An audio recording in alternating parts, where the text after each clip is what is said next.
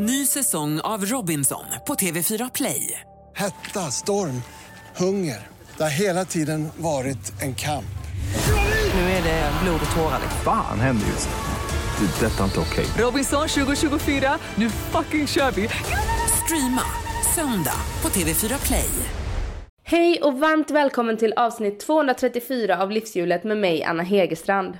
Jag hoppas att du som lyssnar mår bra och att du räknar ner nu till jul och förhoppningsvis lite ledighet. Den här podden har ju funnits i över fyra och ett halvt år nu och du som följt mig i mina möten med olika gäster vet att jag oftast bjuder in riktigt välkända personer. Gäster som du kan läsa om och som du ser regelbundet på tv eller hör i poddar och på radio. Den här veckan blir det lite annorlunda därför att jag har hälsat på hemma hos en gäst som det skrivits mycket om men som de senaste åren inte gjort alls många intervjuer. Hennes liv har bland annat blivit dokumentärfilm av den berömda dokumentärfilmaren Tom Aland. 2010 sommarpratade hon och hon har också skrivit två självbiografier. Och idag lever hon på att föreläsa om sin livshistoria och sina unika erfarenheter. Min gäst är Annika Östberg som 1981 dömdes för dubbelmord och sedan dess avtjänade 28 år i kvinnofängelse i Kalifornien innan hon fick komma hem till Sverige där hon satt ytterligare två år i fängelse. Sedan den 2 maj 2011 är Annika en fri kvinna och hon bor idag tillsammans med sina två hundar Tasha och Ebba i det lilla samhället Bergvik utanför Söderhamn. Jag träffade Annika hemma hos henne för att prata om livet i frihet, om kärleken till hundarna, hur hon ser tillbaka på sitt liv och hur hon gjorde för att finna mening i en tillvaro när allting kändes som mörkast. Jag kontaktade Annika efter att ha hört dokumentären om henne i P3 Dokumentär som sändes 3 september och jag rekommenderar dig verkligen att gå in och lyssna på denna. Ljudet är bitvis lite svajigt och det beror på att vi som sagt inte spelade in i studio. Och vi hade också två sällskapssjuka golden retrievers som absolut ville vara med under intervjun. Men jag hoppas att du gillar det här mötet lika mycket som jag gjorde. Vissa intervjuer berör mig lite extra och samtalet med Annika, det var ett sådant. Livshjulet distribueras av Acast och klipps av Kim Versén. Och mig når du på anna.hegerstrand.se eller om du vill följa mig på Instagram, det heter Anna Hegerstrand. Nu Annika Östberg, varsågod. Vill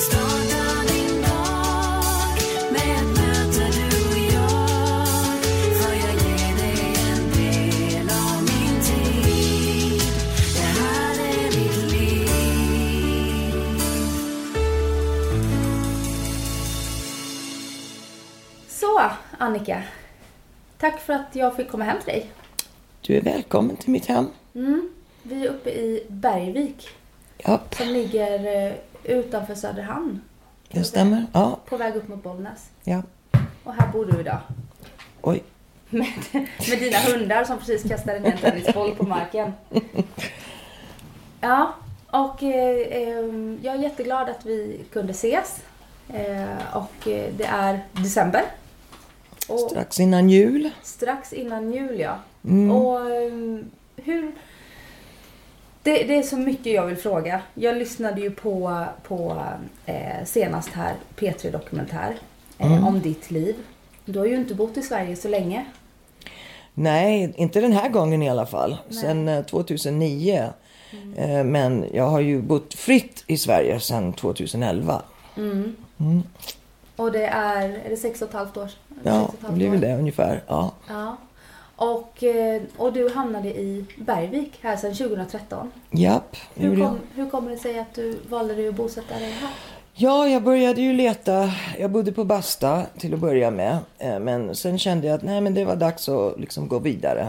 Och Basta är nere i Nykvarn. I Nykvarn. det är ett arbetskooperativ och där jag avtjänade sista 14 månader av mitt straff. Det, eh, ja, det är öppet, alltså det har ingenting med kopplat till kriminalvården att göra men de har ramavtal som det heter. Whatever. Men, eh, så jag kände nej nu är det dags att gå vidare. Jag började leta hus och jag har eh, en tremänning heter det väl. Eh, som bor här uppe. Och eh, Och vad är det? Jag måste fråga. Tremänning, det är liksom en kusin, någon slags kusin. Det är, på engelska skulle det väl vara second cousin eller någonting. Alltså det är någon släkt på min mormors och mammas sida. Eh, Så då sa de, ja men eh, flytta hit upp då. Så skickade de bilder och så kom det här huset till salu och jag gick och tittade. Och det, den vägen var det. Och trivs du bra? Ja, det gör jag. Det är ett underbart litet samhälle. Och vad har du för koppling just idag? Har du fortfarande din tremänning som bor här? Ja, det har jag. Eh, vi var ju här väldigt mycket på somrarna när jag var liten och väldigt glada minnen här. Och under tiden som jag satt så var det ofta Söderhamn som jag rymde till, liksom i huvudet. Så jag hade den här bilden av Söderhamn så då kändes det bara rätt att, att landa här. Det är som att sluta cirkeln på något sätt. Och det är här du vill bli kvar? Här hoppas jag att kunna bli kvar, absolut. Ja. Och du eh, berättade att du satt de sista 14 månaderna efter att du eh, kom ut från Hinseberg. Där du satt i två år. Ja, jag satt på Hinseberg i vad var det, sex, sju månader tills jag fick fi- tidsbestämt. Och sen flyttade jag till Färingsö, Ah, okej. lite utanför Stockholm. Eh, och därifrån så fick jag 14 månader vad som heter vårdvistelse. Där man fortfarande är under kriminalvården men man bor på ett ställe utanför anstalt.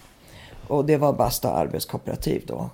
De har en långvarig eh, program. Det är inte en sån här 30 dagar eller tre månader utan det är ett ettårsprogram. Så det var en, en bra utslussning för mig för jag hade så mycket att lära om. Alltså jag hade ju aldrig sett en mobiltelefon till exempel. Eh, internet, bara alltså, hur man använder kort för allting nu. Pengarna var ju totalt annorlunda att handla. Det var tusen saker som jag fick lära mig. Eh, Så det var jättebra att få den där sakta utslussning.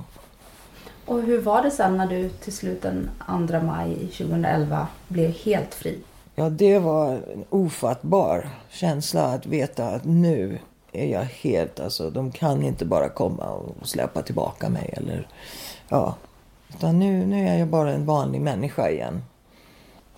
Var det bara positiva känslor eller fanns det Det rädsla? var, det var väldigt skrämmande. Alltså det är ju väldigt mycket som man plötsligt är ansvarig för. Eh, det är väldigt lätt att, att leva på anstalt. Man har ingen hyra, man har ingen el att oroa sig för, inga räkningar, ingen köpa soppa för bilen, kläder. Alltså det, ja, det är ju bara att rulla med liksom. Eh, man behöver inte bestämma. Så alltså det var ju jättemycket att ta igen och fatta beslut om. Som sagt, det har varit mycket att ta igen och jag har ju gjort en hel del felsteg i mina beslut. Men ja, det gör vi väl alla. Det får jag sota för nu. Eh, Men jag, jag lär mig än, ännu idag. Och jag tror att livet är en lär, lärlingsprocess. Så är det ju. Du bor här i Bergvik tillsammans med hundarna Tasha och Ebba. Ja, Ebba är dotter till Tasha. Tasha. Ja, Mm. Och, och sen en tid bor du också själv för du har haft en, eh, inte sambo, Venbo. vänbo. kallar jag honom. Ja, Thomas. Eh, och jag, vi, var väl, vi jobbade tillsammans i ungefär fyra år tror jag. Men till slut så gick vi skilda vägar. Det är ju sånt som händer. Eh, så nu är jag ensam. Och det, det är ju jättejobbigt. Jag menar det här huset är stort och två hundar. Och sköta allt det här själv. Och sen eh, den ekonomiska biten är ju inte enkel heller nu för tiden. Jag kom ju hem nästan 60 år gammal och fick börja om totalt. Jag hade ju ingen eh, karriär, jag har ingen utbildning, eh, ingenting att falla tillbaka på. Eh, Och jag har ju klarat mig rätt så bra, tycker jag, för att börja från in- ingenstans och ingenting. Så jag kämpar vidare. Mm, för du kom ju också ut i ett nytt land. För Ja. du var ju i USA. Ja, i många, många år. Så, så det, jag lär mig hela tiden att det är en del. Jag har alltid sagt att jag inte är amerikansk. 100% svensk är jag. Men det är ju vissa saker som jag är lite americanized i. Ja, jag hör det. Eh, ja. Eh, alltså vissa ord. Språket är ju, jag tycker engelska är mycket mer brett och nyanserat språk. Så jag skriver gärna engelska. Jag kände mig väldigt handikappad när jag skriver på svenska. Men sen också är amerikanarna, de är väldigt social. Gregarious är ordet på engelska. Alltså utåtriktade och pratar med folk. Och jag märkte när jag först kom hem och jag gick i stan i Stockholm. Om man går på trottoaren och, och träffar folks ansikte med blicken liksom. Och de möter inte ögonen de vänder bort blicken. Omedelbart. Och i USA det gör man inte så, utan man träffar blicken. Och ibland säger man hej eller ja, vad har du? Men det är liksom en, jag ser dig och du ser mig, typ av, även i snabbt passerande. Och här är det liksom, alla går i sin egen lilla bubbla. Eh, och jag, jag ser inte dig och jag stör, ska inte störa dig. Och liksom, det är väldigt annorlunda. Jag menar, i USA kan man stå i, i kön i ICA och höra en människas hela livshistoria. Som man aldrig träffat förut, kommer aldrig att se igen. Men man går därifrån och vet jättemycket om den där personen. Det, det är inte så ovanligt. Men här liksom knappast att man säger hej till varandra. Så det, det saknar jag. Ja, det förstår jag. Och du har ju också varit van att bo väldigt tätt med andra människor i, t- i 30 års tid. Ja, Ehm, har det varit en stor omställning? det saknar jag inte Nej. kan jag säga. Det största lyx för mig när jag kom hem det var att kunna andas och inte höra någon människoröst. Ingen radio, ingen tv, inget skrik, inget, alltså ingenting. Bara tystnad. Fast det, det finns ju ingenting som är tyst egentligen. Alltså, om man går ut i skogen så är det ju alltid ljud. Men det är naturljud. Det är inte liksom trängande påljud. Eh, Så det, nej jag, jag trivs väldigt bra med mig själv, gör jag. Eh, Sen har jag ju vänner som jag umgås med. Det tycker jag också är väldigt viktigt. Ingen, eh, no man is an island. Alltså man behöver ju varandra. Och det är någonting som jag pratar om väldigt mycket också. Jag skulle aldrig ha klarat min resa om jag inte hade haft vänner, både på utsidan och insidan. Och jag skulle inte ha klarat mig dit jag är idag om jag inte hade haft de vänner runt omkring mig som jag har. Hur såg ditt sociala nätverk ut när du kom ut? Ja, jag hade ju väldigt starka, fina människor eh, liksom, på min sida. Jag hade Ann-Britt Grünewald hade ju kämpat för mig i många år. Tom Holland hade ju gjort flera dokumentärer. Och, eh, sen hade jag ju kommit i kontakt med eh, personen som startade Basta, Alec Karlberg. Eh, precis när Basta startade. Så jag hade ju kontakt med dem. Så väldigt starka människor. Sen hade jag ju träffat en del svenskar eh, genom Svenska kyrkan i utlandet. Som var i eh, San Pedro lite utanför Los Angeles och prästerna därifrån brukade komma på besök. Så genom den kyrkan så träffade jag ju svenskar som bodde i, i Los Angeles. Och svenskar som bodde hemma men som hade kanske barn eller någonting i USA som de åkte och hälsade på. Och då blev det så att de kom och hälsade på mig också. Så på det viset så bredde jag liksom ut och jag hade ju massor med människor som skrev brev och alltså, ja, hur mycket som helst. Fast det var inte människor jag kände liksom. Men eh, en grupp människor runt omkring mig som jag byggde en relation över åren via brev och besök och vad har du. Har du mycket vänner kvar i USA? Ja, det har jag ju. Eh, De som eh, satt med mig, definitivt. Eh, som jag har kontakt med via Facebook och e-mail och så vidare. Och de som fortfarande sitter eh, skriver jag pappersbrev till. Eh, Och eh, ja, de som har kommit ut. En tjej eh, som jag satt med i över tio år. Hon var ju här på besök. Hemma hos mig i en vecka. Och det var ju en fantastisk upplevelse. Att uppleva frihet med någon som man har lärt känna så väl bakom murarna. Så ja, är du, om du skulle vilja åka och hälsa på dina vänner, antingen de som har kommit ut eller de som fortfarande sitter, eh, är du välkommen in i Nej, USA? jag är persona non grata. Eh, Man kommer inte in i USA om man har någonting i ett brottsregister. Eh, Men även, och jag kunde nog kämpa mig igenom via ambassaden eller vad har du för att det var så pass länge sedan. Men jag skulle inte våga. Alltså jag skulle vara livrädd att de skulle sätta dit mig. För de är så arga att jag är fri. Ja, och det var ju en otrolig process att eh, få hem dig till Ja, Sverige. ja. Och eh, den här eh, intervjun kan jag ju säga redan nu till alla som lyssnar då att, att den kommer handla om ditt liv efter. Det finns väldigt fina, välgjorda dokumentärer om, om din resa från liksom att du föddes och ehm, allting som du har varit med om. Men det finns inte så mycket efter, så det är det jag tycker är intressant att fokusera på. Eh, men men eh, det har ju, var ju svårt att få hem dig till Sverige. Ehm, och sen så var det ju någonting som till slut, vad var det som till slut gjorde att, var det Arnold Schwarzenegger under hans tid som till slut släppte iväg dig? Det var Arnold Schwarzenegger och jag Ja, vet inte för att eh, det är ju hemligstämplad. Ja, vet Alltså inte. hela, hela processen, jag vet inte. Men eh, alltså jag har en uh, hypothesis. Och jag tror att Arnold Schwarzenegger, även då han inte är amerikansk född, jag tror att han hade ögonen på Vita huset. Och det är nog på tiden att den lagen inom eh, USA ändras. Att man kan bli president och inte vara eh, naturfödd. Det är väldigt gammaldags och det, det är på tiden att, att det ändras. Men jag tror att han hade ögonen högre upp politiskt fall i alla fall.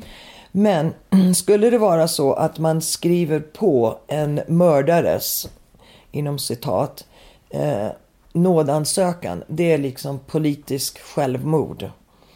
Så vad som hände var att egentligen när man söker nåd så ska den här panelen bestämma bara baserat på vad har du gjort sen du kom till anstalt. Efter brottet vill säga.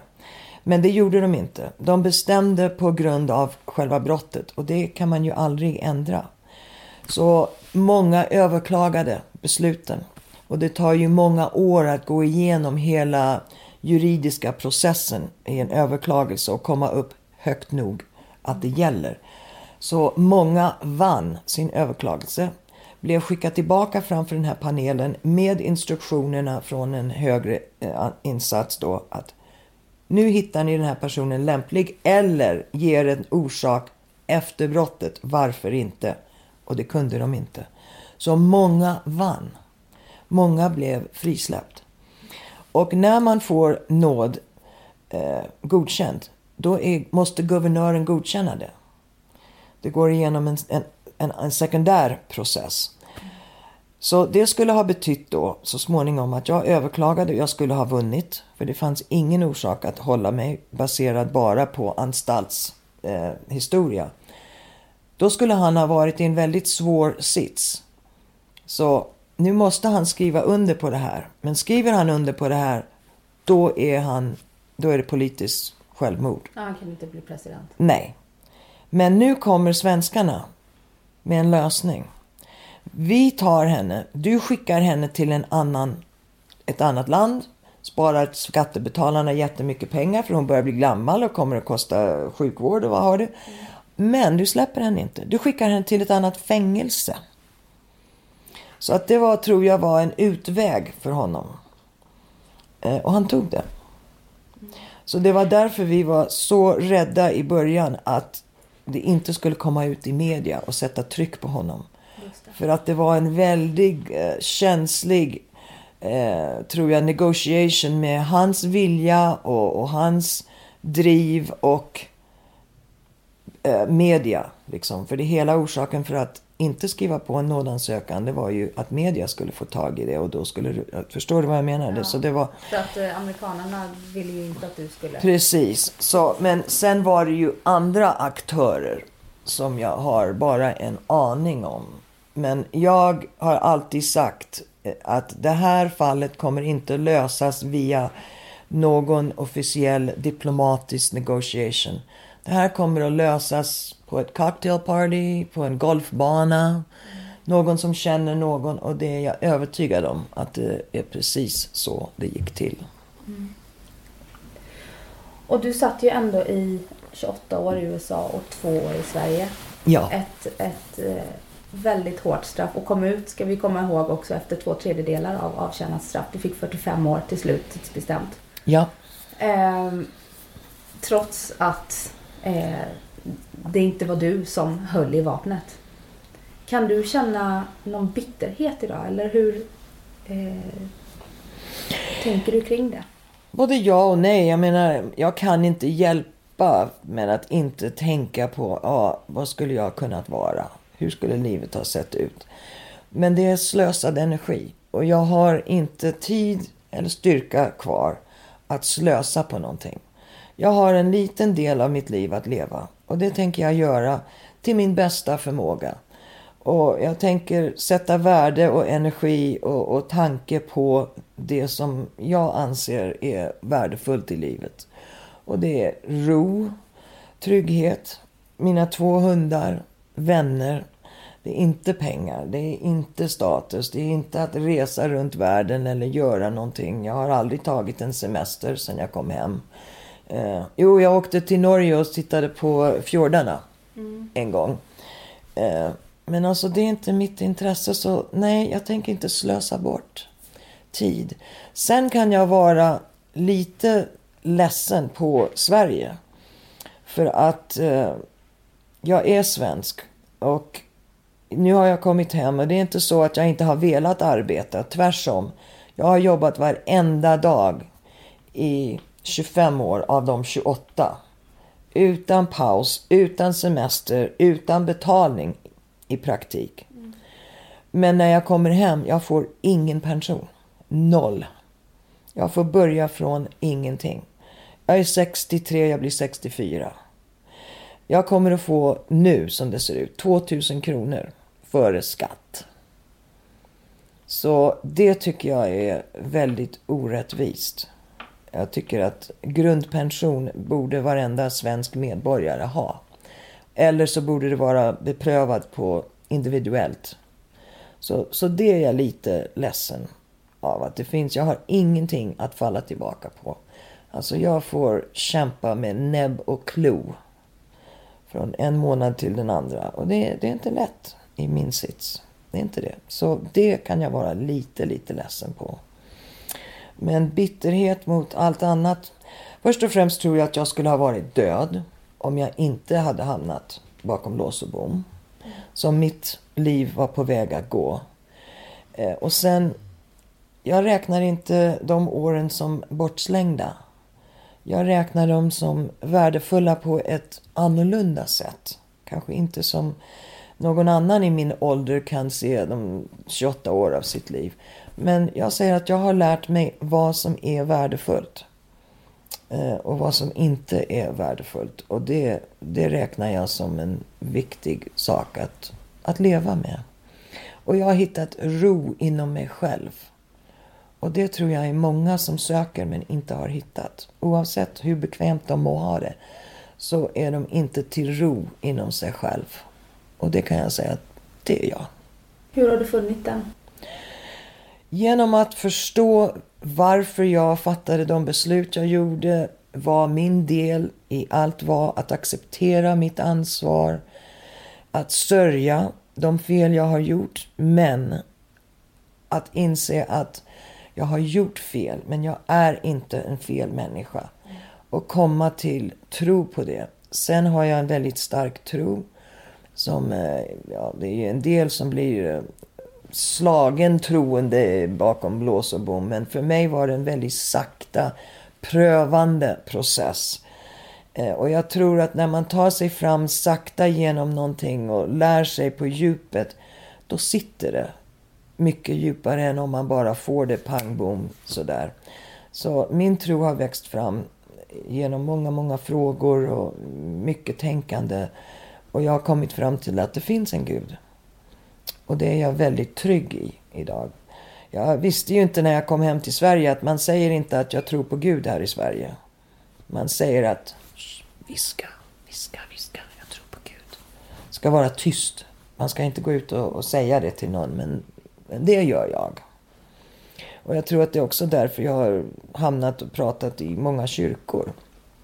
Jag tycker det är väldigt sorgligt idag att ungdomar inte får en introduktion till kyrkan. Menar, man behöver inte vara troende, man behöver inte gå till mässa varje söndag. Men att veta att kyrkan finns där som en grundpelare i, i stormen. Liksom. Att där finns det någonstans att vända sig till.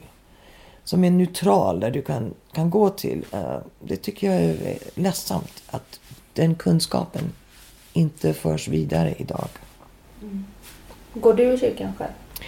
När jag kan, ja det gör jag. Och vad är det under alla de här åren som har varit liksom din drivkraft att ta en dag till? det har varit olika saker och det har varit perioder där det fanns ingen drivkraft. Där det enda som höll mig eh, levande från ena dagen till den andra var att vänta på att hitta eh, tillräckligt med medel för att ta livet av mig. Alltså det blev mitt hela fokus. Eh, och jag kom dit till slut. Eh, och då hände det saker som stoppade mig. Men det kan vi väl ta på ett annat kapitel. Eh, men sen har det ju varit olika saker. När jag väl när jag väl började på resan tillbaka, som jag säger det, vilket var 1989-90. Efter att jag hade blivit inlåst i straffisolering på anstalten. Alltså det var där och då som det gick upp för mig på riktigt vad mitt liv hade orsakat. och Mitt levnadssätt hade orsakat. Och då fattade jag ett beslut att göra en förändring. En, ett gradvis beslut måste jag säga. Eh, och sen dess började jag liksom ta tag i mig själv och mitt liv och fokusera på vad är det jag vill. Och det första beslutet som jag fick fatta eftersom jag förstod att jag skulle aldrig bli fri. För det var jag övertygad om. Vill jag fortsätta leva? Och om jag då väljer att fortsätta, varför? Och vad ska jag göra då? Då kommer mitt liv att vara här bakom lås och bom. Vad ska jag göra? Så jag valde då att investera där jag befann mig. Det vill säga försöka att hjälpa till. Jag tror att vi kan alla göra en skillnad. Vart vi än befinner oss. Så kan vi alla göra någon liten del. Och göra vår lilla del av världen bättre. Så det var jag gjorde. Jag investerade i tjejerna runt omkring mig, i världen där jag befann mig. Men det var ju dagar som det gick ju upp och det gick ju ner. Eh, och när hundarna kom till anstalt, då var jag liksom så trött. Jag var redo att bara, nej jag orkar inte mer. Det var efter min sista nådansökan. Eh, men då kom hundar in i min värld och jag fick träna servicehundar och de höll mig vid, vid liv, bokstavligt. Varenda dag. Jag hade en orsak att kliva upp. Och jag tränade ju en hel del. De kom in ungefär fyra månader gamla. Och så bodde de i cellen och de gick till jobbet för alla där jobbar. Och det är verkligen jobb, inte som på Hinseberg där man räknar skruvar och löjliga saker. Utan där driver man hela anstalten. Ja men liksom matlagning, städning. Bygga byggnader, rörmokare, elektriker, sekreterare. Alltså när jag säger de driver anstalten, jag menar de driver anstalten. Det är kvalificerade jobb liksom. Det är jobb, absolut. Och vad var ditt jobb? Eh, ja, jag började ju i köket. Jag jobbade i köket i 13 år och jag jobbade mig upp till slut som eh, ja, executive secretary skulle jag vilja säga. Eh, jag höll i alla kontrakter för all mat till anstalten. Inklu- inklusiv att ha kontakt med eh, leverantörer på utsidan. Alltså nu har ju mycket förändrats. Men jag tycker det är lite roligt att mitt jobb, när de eh, till slut gjorde sig bort med många eh, intagnas positioner för att det blev för mycket, vi hade för mycket makt helt enkelt. Vi visste för mycket för att våra chefer kunde ingenting. Vi, vi, tog, vi gjorde allt. Och jag har ju jobbat för många vakter. Och alltså bara att städa upp språket och hur de skriver efter dem. Alltså det var, ja, det var chockande. De kan knappast skriva och läsa en del. Bokstavligt. Eh, så jag hade väldigt mycket att göra. Eh, som sagt, alla jobbar. Men eh, hunden gick till jobbet med mig, gick till matsalen och liksom de tränade. Vi gick på eh, klasser två kvällar i veckan. Eh, och sen hade de prover och ja, det var en väldigt intensiv procedur. Och så hundarna ja, tog 8-9 månader. Men då var de ju färdigtränade och då gick de ju ut. Och det är väldigt svårt att ha en hund från valp till lite över ett år och sen få släppa taget. Alltså, Det var fruktansvärt. det, ja, det, det var det värsta i det hela. Fick du en ny hund att Ja, träna? ja, då fick man en ny hund att träna. Men alltså min, min önskan, det enda önska som jag höll i. eh, Det var inte att bli flyttad till Sverige, det hade jag gett upp på. Det var inte att bli fri, det hade jag gett upp på. Men att behålla en hund. Jag tänkte, jag kan väl ha en visningsexempel liksom. Eh, Men ja, Det var ju omöjligt naturligtvis. Så det var det enda önskan jag hade. Så att när jag blev fri och jag åkte och hämtade Tasha. Det var liksom, det var en gåva direkt från Gud. Anser jag, för det var det enda jag hade bett om. Så att hon är beviset för mig på att mirakler händer och att det finns en Gud. Så enkelt är det. Så att, ja, hundarna definitivt höll mig vid liv. För när de kom så var jag så trött och så nedslagen och så ja, hopplös. Och det här var också några år efter att din son Sven Ja, min son dog i 85. Eh, och då knark, det knarkade jag ju på i många år. Fyra, nästan fem år. Till 89. Eh, 89 då hamnade jag i straffisolering för att jag testade positiv på opiater. Eh, och sen slutet av 89-90 så la jag ner. Och då började min förändring hända. Och det var som sagt en lång och sakta process. Men genom att det var så lång och sakta så var det också en väldigt genomgående, thorough, eh, rensning och sökning och städning, om man kan säga det, inom mig själv och min själ. Och verkligen examinera allt och mig själv och ja, känslor och tankar och liksom sortera i allt det där. Jag, jag gick ju igenom eh, tolvstegsprocessen med en vän som introducerade mig till det. Och, hon är nog den enda människan som kunde ha nått fram till mig. Då när ni satt inne. Ja. Eh, så jag började liksom följa hennes instruktioner för jag tänkte okej om hon kan klara av att lägga ner då måste det finnas en väg ut för det var jag tveksam till. Eh, så hela tolvstegsprocessen är, är fantastisk i att hjälpa dig rensa dig själv. Och verkligen examinera dina egna motivationer och varför du gör saker och hur du tänker och att, att lära dig att tänka på nya sätt och hitta nya spår inom dig själv och göra, bygga nya kopplingar. Och nu låter jag kanske naiv, men fick man hjälp med det då? Eller var det ett arbete som du gjorde helt själv? Nej, det gjorde jag helt själv. Alltså, vi hade ju tolvstegsgrupper. Eh, men de var, vi höll i dem själv. Alltså de intagna ledde dem och drev processen. Jag höll i många tolvstegsgrupper själv. Eh, och då hade jag 12 till 15 tjejer i varje kurs. Eh, och vi hade möten en gång i veckan och då var det över 100, 100 tjejer. Ja, för visst är det så i tolvstegsprogrammet att man när man har gått klart, eller man ska säga själv, så får man liksom dela med sig av sin kunskap. Ja, man behåller bara vad man har fått genom att ge bort det. Det är ett program av eh, ja, contradictions, oxymorons.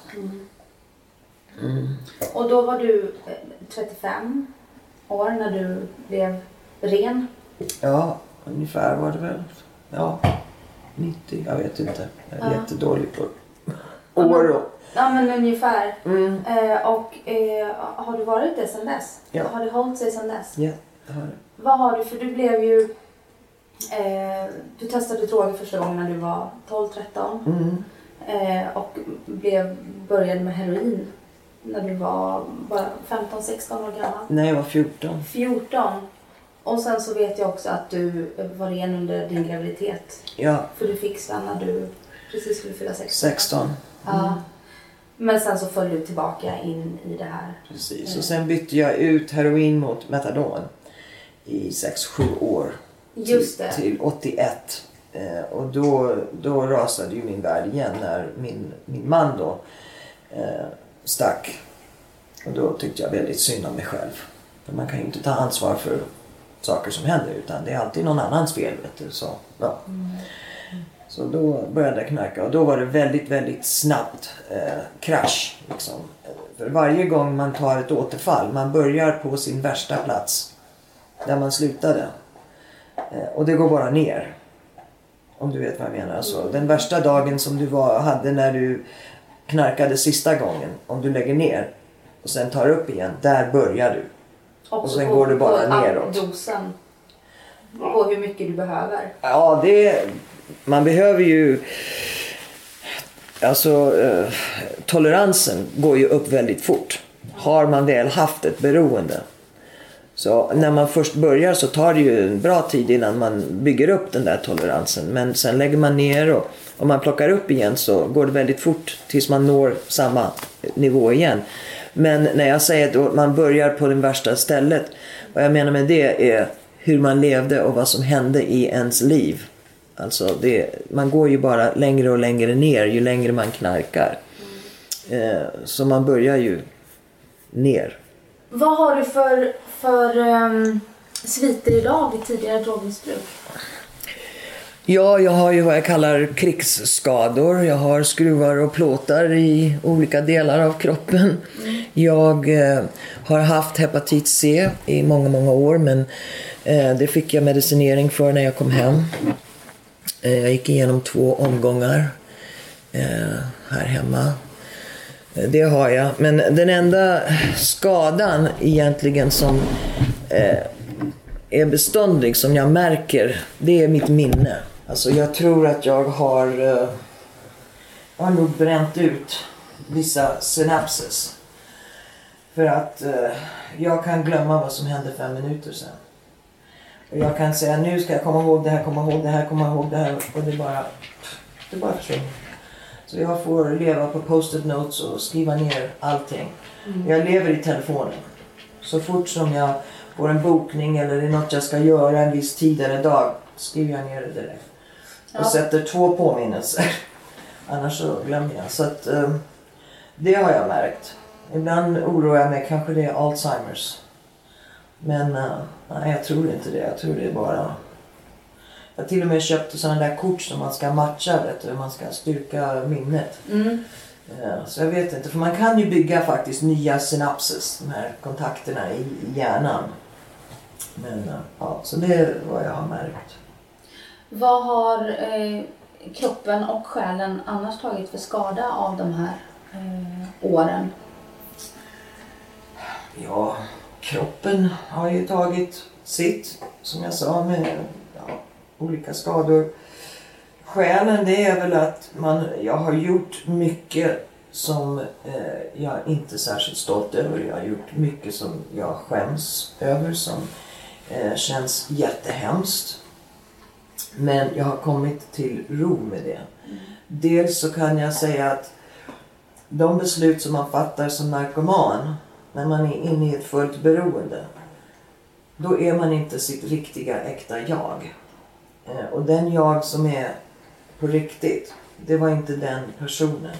Men sen får man ju också leva med resultatet av de beslut. Men andra sidan är ju att man lär sig mycket om sig själv. Och man lär sig om människor och hur människor tänker och, och fungerar. Um, ja, och det är inte så mycket som det är inte så mycket som kan komma mig in på skinnet nu för tiden. Alltså, jag kan acceptera väldigt mycket från, från människor och förlåta väldigt mycket. För att jag har ett förstånd på djupet för mycket. Du har beskrivit din, din barndom eh, fram tills att eh, dina föräldrar eh, skilde sig när du var fyra va? Mm. Som, som lycklig eller att du hade en bra barndom och sen träffade din mamma en amerikansk man och ni flyttade till Kalifornien. Stämmer. Mm. Och där någonstans så eh, blev det inte så bra. Han eh, vill, tyckte att du mest var i vägen och du blev skickad till, till någon annan, en skola va?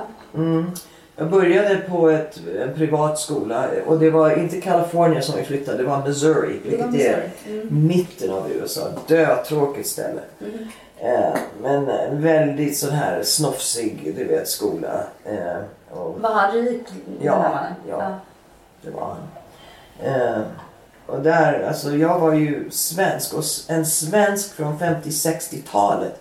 Alltså då var ju den här Eh, solidaritet och att man jobbade alla för alla liksom. Och, eh, det var väldigt mycket staten eh, var ju som en, en, en mor typ. Alltså, och alla jobbade ju för, för mor och sen delade mor ut liksom, så att alla klarade sig och alla hade det lugnt och tryggt. Och det var liksom, ja, kanske en idealistisk eh, bild av Sverige då. Men den är, det var så annorlunda från amerikanskt tänkande. Att mig för mig och alla är ansvariga för sig själva. Och om du inte har så är det ditt eget fel, din dumma idiot. För det finns möjligheter för alla. Och, och liksom, vem som helst kan födas i fattigdom och kämpa sig till att vara president eller vara rikaste i hela landet. Alltså, hela den där ta- tanken, tankekedjan var så eh, alien ifrån svensk. Och det får man ju från vaggan. De där tankarna och de där känslorna och, och de där synpunkterna. Även om man är för ung att riktigt fatta. Så är man ändå indoktrinerad på något sätt. Från väldigt, väldigt tidigt i sin kultur och sitt lands tänkande. Så det var väldigt, väldigt annorlunda. Jag var, jag var färgblind. Visst, jag kunde se att en människa hade mörkare hy. Men det var allt jag såg. Och det var allt det betydde för mig. Och i USA betydde det ju en hel massa saker som jag hade ingen aning om. Så nej, jag passade inte in.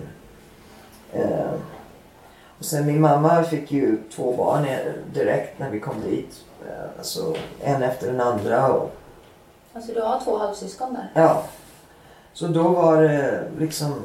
Det var ju en liten familj där. Mamma och pappa och två barn. Och jag var någonstans här ute på sidan. Ja, för jag vet att du har beskrivit att din mamma hon tog inte ditt parti. Hon eh, ställde inte upp för dig. Nej, Och jag vet också att din mamma har gått bort nu för inte så länge sedan. I våras här. Hur Ja. såg er relation ut? Eh, till slutet så blev det rätt så bra. Eh, Alltså, jag hade förlåtit henne för länge sedan. Men hon kunde inte förlåta sig själv för sina beslut och sina val som då påverkade mig. Besluten att inte stå upp för dig. Att, att ta mig från Sverige först och främst. Det var liksom det beslut som jag tror hon ångrade mest. För jag ville ju inte, jag ville ju stanna i Sverige. Eh, och sen ja, att hon inte gjorde mer när jag var ung. Eh, men alltså, det har jag ju släppt för länge sedan. Ja, det kanske var när man är 13-14 år så är man ju inte mogen nog att fatta sina egna beslut kanske. Men längs vägen så växte jag ju upp. Och då hade jag ju eh, val flera gånger. Eh, jag gick ju förbi korsvägar som jag kunde ha tagit. Och då var det mitt eget val att inte göra det. Det fanns ju samtidigt en, en anledning till att du gjorde i dina ögon då fel val. Ja, det finns ju alltid orsaker om de är rätt eller fel eller Och, och, justified eller icke så. och på tal om det som du berättade om hur, hur det funkade i USA. Just att alla människor, även om du är född fattig så, så kan du bli eh, USAs rikaste man och president. Men alla är ju inte födda med samma chans. Det är sant. Eh, både socialt men också inbyggt. Absolut. Ehm, och du har också skrivit, eller sagt att du eh, styrdes mycket av dina män som du träffade. Ehm, och följde med dem. Och du var också väldigt ung, tänker jag. Du, du var 13 när du rymde till San Francisco med din pojkvän. Ja, han var, han var 24 så det var ju något fel på honom definitivt. Ja, exakt. Ehm, Det är ganska lätt att manipulera som 13-åring, tänker jag. ja, absolut. Eh, särskilt en 13-åring som var väldigt ensam och kände sig väldigt övergiven och passade inte in någonstans. Och sen plötsligt så har man en, en kille som spelar i ett rock'n'roll band och är supercool som liksom uppmärksammar en. Då är man ju hoho liksom. Det, så. Såklart. Och sen blev du mamma när du var 15. Ja. Och du har sagt att, det var väldigt, att du blev väldigt glad. Ja, 16 födde jag Sven. Ja. Eh, ja, alltså jag ville definitivt ha honom. Det var jättefint. Jag, jag är glad att jag var så pass ung för vi, vi var ju barn tillsammans på många sätt och vis. Och han var ju med mig genom allt. Det var bara den sista tiden eh, i 81 som jag skickade iväg honom till sin pappa när jag började knarka igen. Så att eh, han, han var med hela tiden. Och hur tänker du när du ser tillbaka på, på den tiden med Sven och ditt moderskap? Både med glädje och med sorg. Eh, mycket jag ångrar. Det är mycket jag skulle vilja ha, ha gjort. Många löften som jag bröt. Det är alla de där om varas, du vet. Skulle ha. Eh, men som en, en glad tid och jag är väldigt glad att jag fick uppleva honom. Han var en fantastisk liten pojke. Och du sa tidigare till mig här att eh, du har en dröm om, om att få barnbarn. Ja, även när han var liten så såg jag fram till att bli farmor. Liksom. Då har du blivit en väldigt ung farmor, förmodligen. Ja, ja, det skulle jag nog ha blivit. Men eh, ja, eh, Sven fick aldrig kalla min mamma eh, mormor eller grandma som det heter i USA. Det ville min mamma absolut inte. Så han fick kalla min mamma för Maj-Britt. Varför vill hon inte det? Jag tror att hon ville inte känna sig så pass gammal. Har du någon kontakt med dina syskon? Nej, ingenting. Eh, när, eh, när de skilde sig, min mamma och min styvfar då, i, och, i vad var det, var väl ja, 70-talet någon gång, slutet av 70-talet. Eh, då valde de att stanna med pappa och pengarna. Det var en väldigt messy divorce kan jag säga. Eh, och han hade ju allt att eh, lova dem och ja, ge dem. Så de stannade i USA och min mamma flyttade hem till Sverige. Så hon flyttade hem i 81 precis när allt det här höll på att hända. När jag hade just torskat och ja. Då flyttade hon hem. Så det var ju också någonting som hon ångrade väldigt djupt. Att hon inte stannade kvar och liksom gjorde mer så att det inte skulle bli som det blev. Men jag tror ingen här i Sverige skulle ha trott att det var möjligt att man kunde få ett sånt straff. När de, när de visste att jag inte hade skjutit. Jag förstod, men ingen annan förstod. Inklusive svenska konsulatet. Men du erkände ju också brottet efter att du fick reda på att eh, din pojkvän som, som sköt Ja, av sig. ja alltså, nej det, det tog flera år. Alltså, jag, jag kämpade ju emot ett dödsstraff i två och ett halvt år. Ja. Eh, och det är väldigt svårt för svenskar att förstå att man kan erkänna sig skyldig till en punkt i lagen. Men alltså, när man blir, när, när de läser upp anklagelserna så läser de upp enligt lagens eh, punkt. Och då är det en massa siffror. Och den siffran som mitt brott faller under. Det står tydligt där att man var med när ett mord hände. Men om man bara läser domen så står det skyldig till mord i första grad. Eh, läser man lite längre ner så är det en fråga där som, som står eh, den anklagade använde ett dödligt vapen att utföra brottet. Ja eller nej. Då ska man bocka en utav de här lådorna då. Och i mitt fall så står det nej. Så med andra ord, jag har begått två första grads mord men har aldrig använt ett dödligt vapen. Så att det är inte så att man ställer sig upp och erkänner sig skyldig till att ha begått ett mord. Man erkänner sig skyldig till den här punkten i lagen. Så funkar amerikansk juridik. ja, för straffet blir lika hårt som om du skulle hållit i vapnet. Absolut, det, det är ingen skillnad. Men orsaken att jag inte fick dödsstraff är för att det var inte jag som höll i vapnet. Så den distinction, den skillnaden eh, var gjord när de bestämde straffet. Hade jag faktiskt hållit i vapnet så skulle jag ha fått dödsstraffet. Så det tog mig ner till en, en lägre straffgrad genom att eh, brottet var en lägre grad än att personligen ha begått ett mord. Som sagt, amerikansk juridik är väldigt, väldigt svårt för svenskar att förstå. Mm. Och medierapporteringen kring ditt fall här hemma i Sverige har ju varit väldigt stor och den har ju kritiserats för att man har vitmålat dig till exempel. Eh, och det är många som har gått ut och eh, ja, fler kända, bland annat Leif GW Persson och eh, eh, Stefan Wahlberg. Och sen så är det någon eh, Marina Gersetti, hon är medieforskare, har också tyckt att liksom eh, det har varit en för eh, ljus mediebild av dig och att, att man inte har tagit hänsyn till att du faktiskt är dömd för det du är dömd för. Vad har du att säga om det? Ja, det är inte någonting som jag har bett om eller Nej. som jag har sagt. Alltså, orden oskyldigt dömd har ju använts väldigt, väldigt ofta. Ja. Men alltså det, det är ju en eh, etikett, en label som har hängts på mig som jag har aldrig sagt. Eh, tvärsom så har jag alltid sagt att nej, jag är inte oskyldig. Eh, alltså det var mina beslut, det var mina val, det var jag som satte igång hela händelseförloppet. Så rent fysiskt, nej, det är jag inte ansvarig för. Men moraliskt så är jag ansvarig för, för morden. Och det kände jag eh, många, många år att det kvittade liksom att han höll i, i pistolen.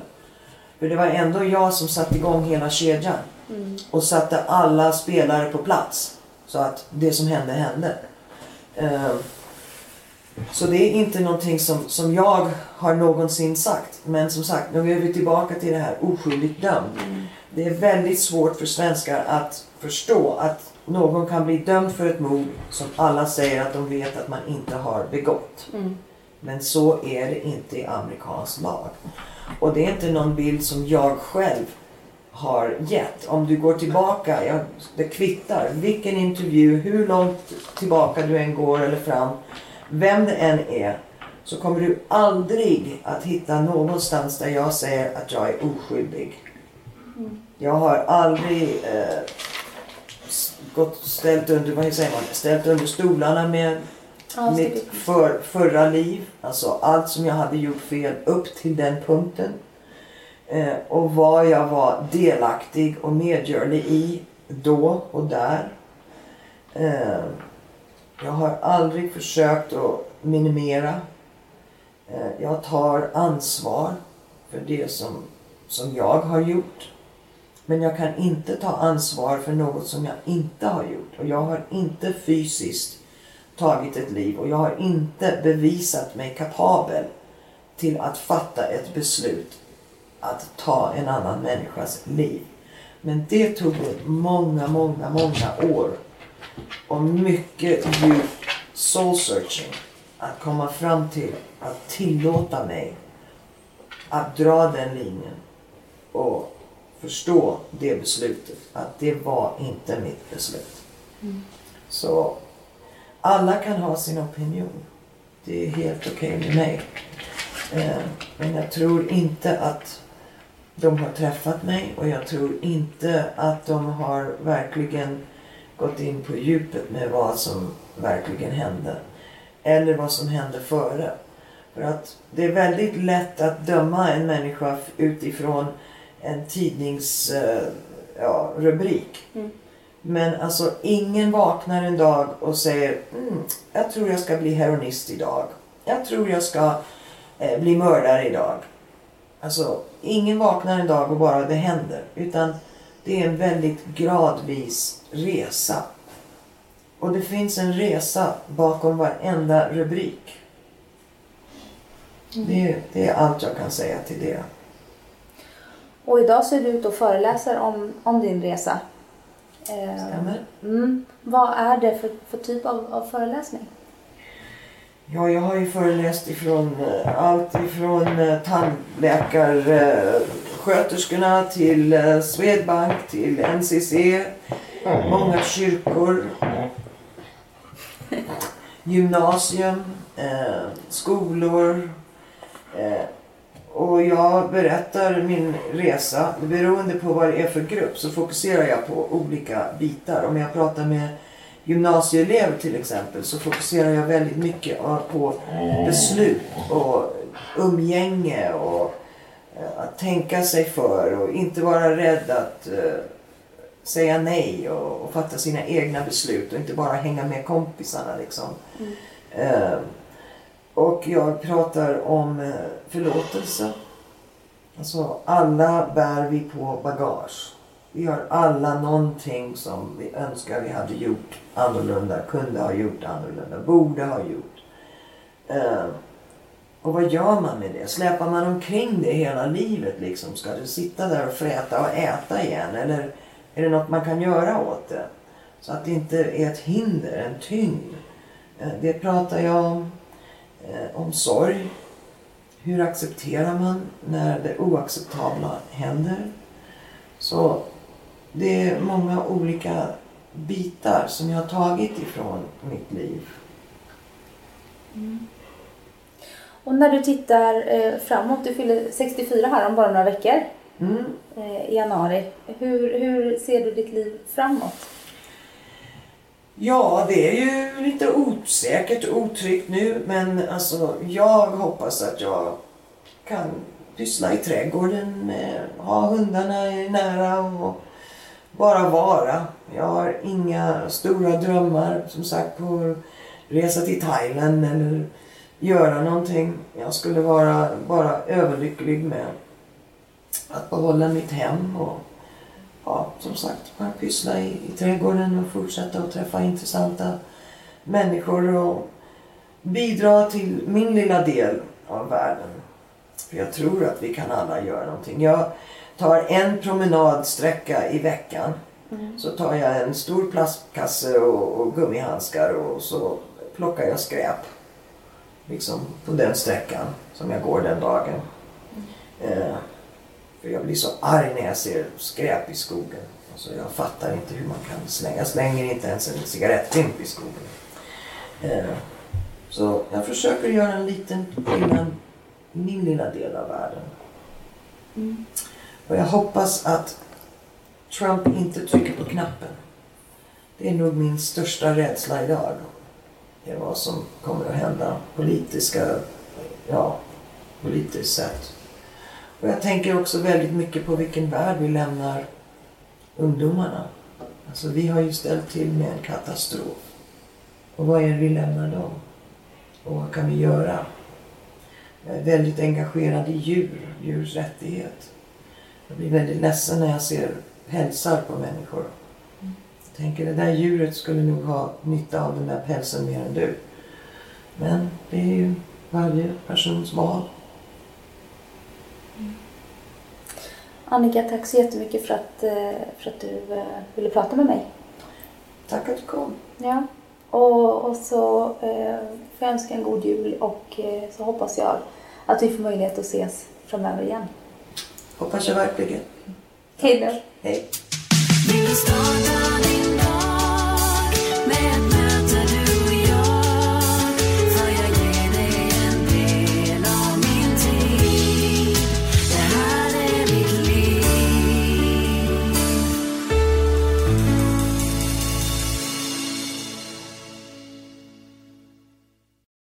Ny säsong av Robinson på TV4 Play. Hetta, storm, hunger. Det har hela tiden varit en kamp. Nu är det blod och tårar. Fan händer just nu. Det. är Detta är inte okej. Robinson 2024, nu fucking kör vi! Streama söndag på TV4 Play.